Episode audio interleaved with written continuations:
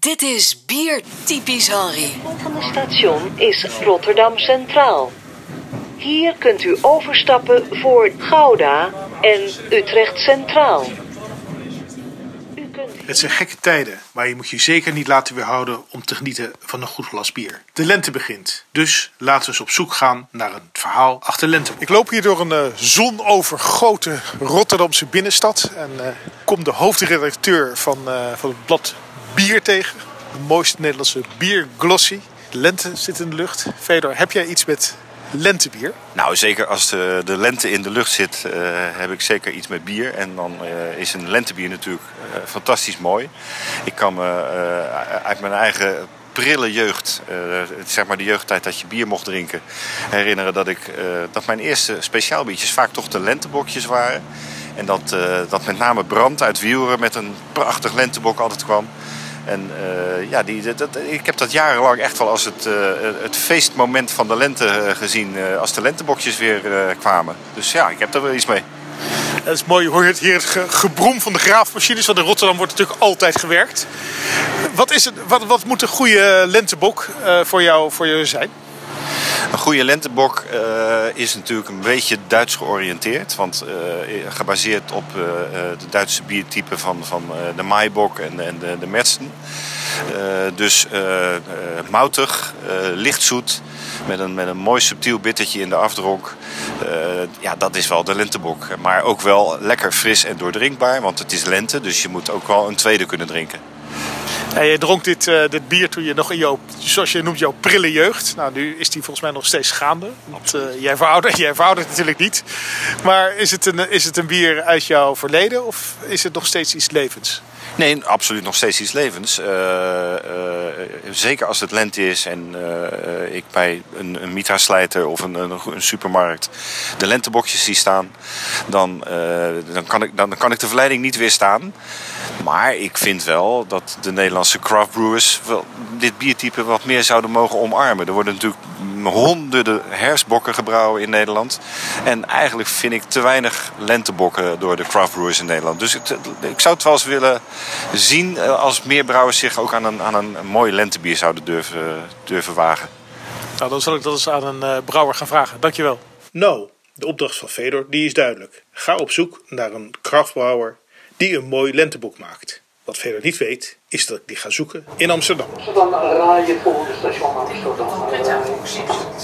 Hier in Amsterdam zit ik eh, in een eh, gloednieuwe wijk eigenlijk.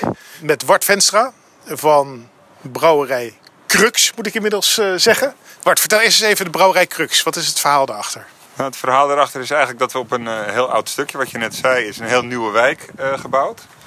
Maar dat is, hebben wij een heel oud pandje kunnen bemachtigen, wat eh, industrieel erfgoed is. Daar is vroeger een oliefabriek in geweest en wij eh, brouwen daar nu. Eh, dus vanuit die gedachte hebben we daar nu weer iets industrieels in terug, alleen heel kleinschalig, zou ik maar zeggen. Voor de buurt. Alleen voor de buurt en niet, niet op fles. Niet op fles, we gaan een heel klein gedeelte op blik doen, maar dat is ook puur voor de meeneem, zou ik maar zeggen. Ehm, we zitten hier met een, met een mooie, mooie lenteboek. Ehm, wat is voor jou eh, het kenmerk van een mooie eh, lenteboek? Nou, een lentebok voor, mij is ehm, ehm, dat hij fruitig is. Dat hij eh, nog wel die bok eh, karakter is. Dus wel echt de, mout, dat je die goed proeft. Een klein beetje kara erin. En voornamelijk dat hij ook niet te zoet is. Hij mag wel een zoetje hebben, uiteraard, voor een bok.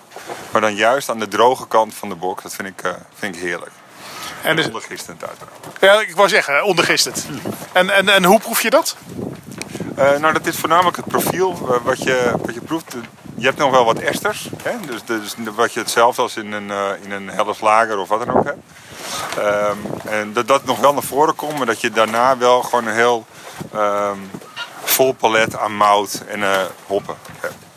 En je vertelde me eerder dat je iets hebt met Duitse bieren. Is dat ook de reden waarom je een echte traditionele bok brouwt? Ja, ik denk het wel. Tenminste, dat probeer ik te doen. Ja, ik wil niet zeggen dat het bij deze gelukt is, maar daar streven we wel. Nou ja, zeker. Nou, het komt een eind, uh, absoluut een eind, uh, eind in de richting. Nou, goed zo.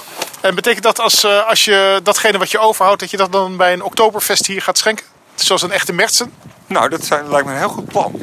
We hebben, we hebben er wel inderdaad ook eh, wat ideeën over om hier wat eh, festiviteiten ook met bier eh, te gaan doen. Dus een oktoberfest lijkt me dan een prima ding voor. Dan bewaren we wat in ieder geval. Mooi, zijn we dan weer terug. Dankjewel.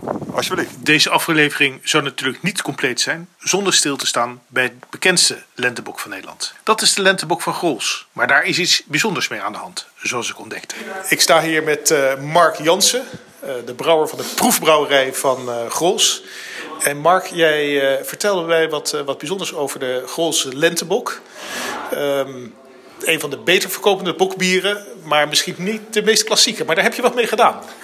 Ja, ja absoluut. Ehm, ik kreeg de opdracht om te kijken.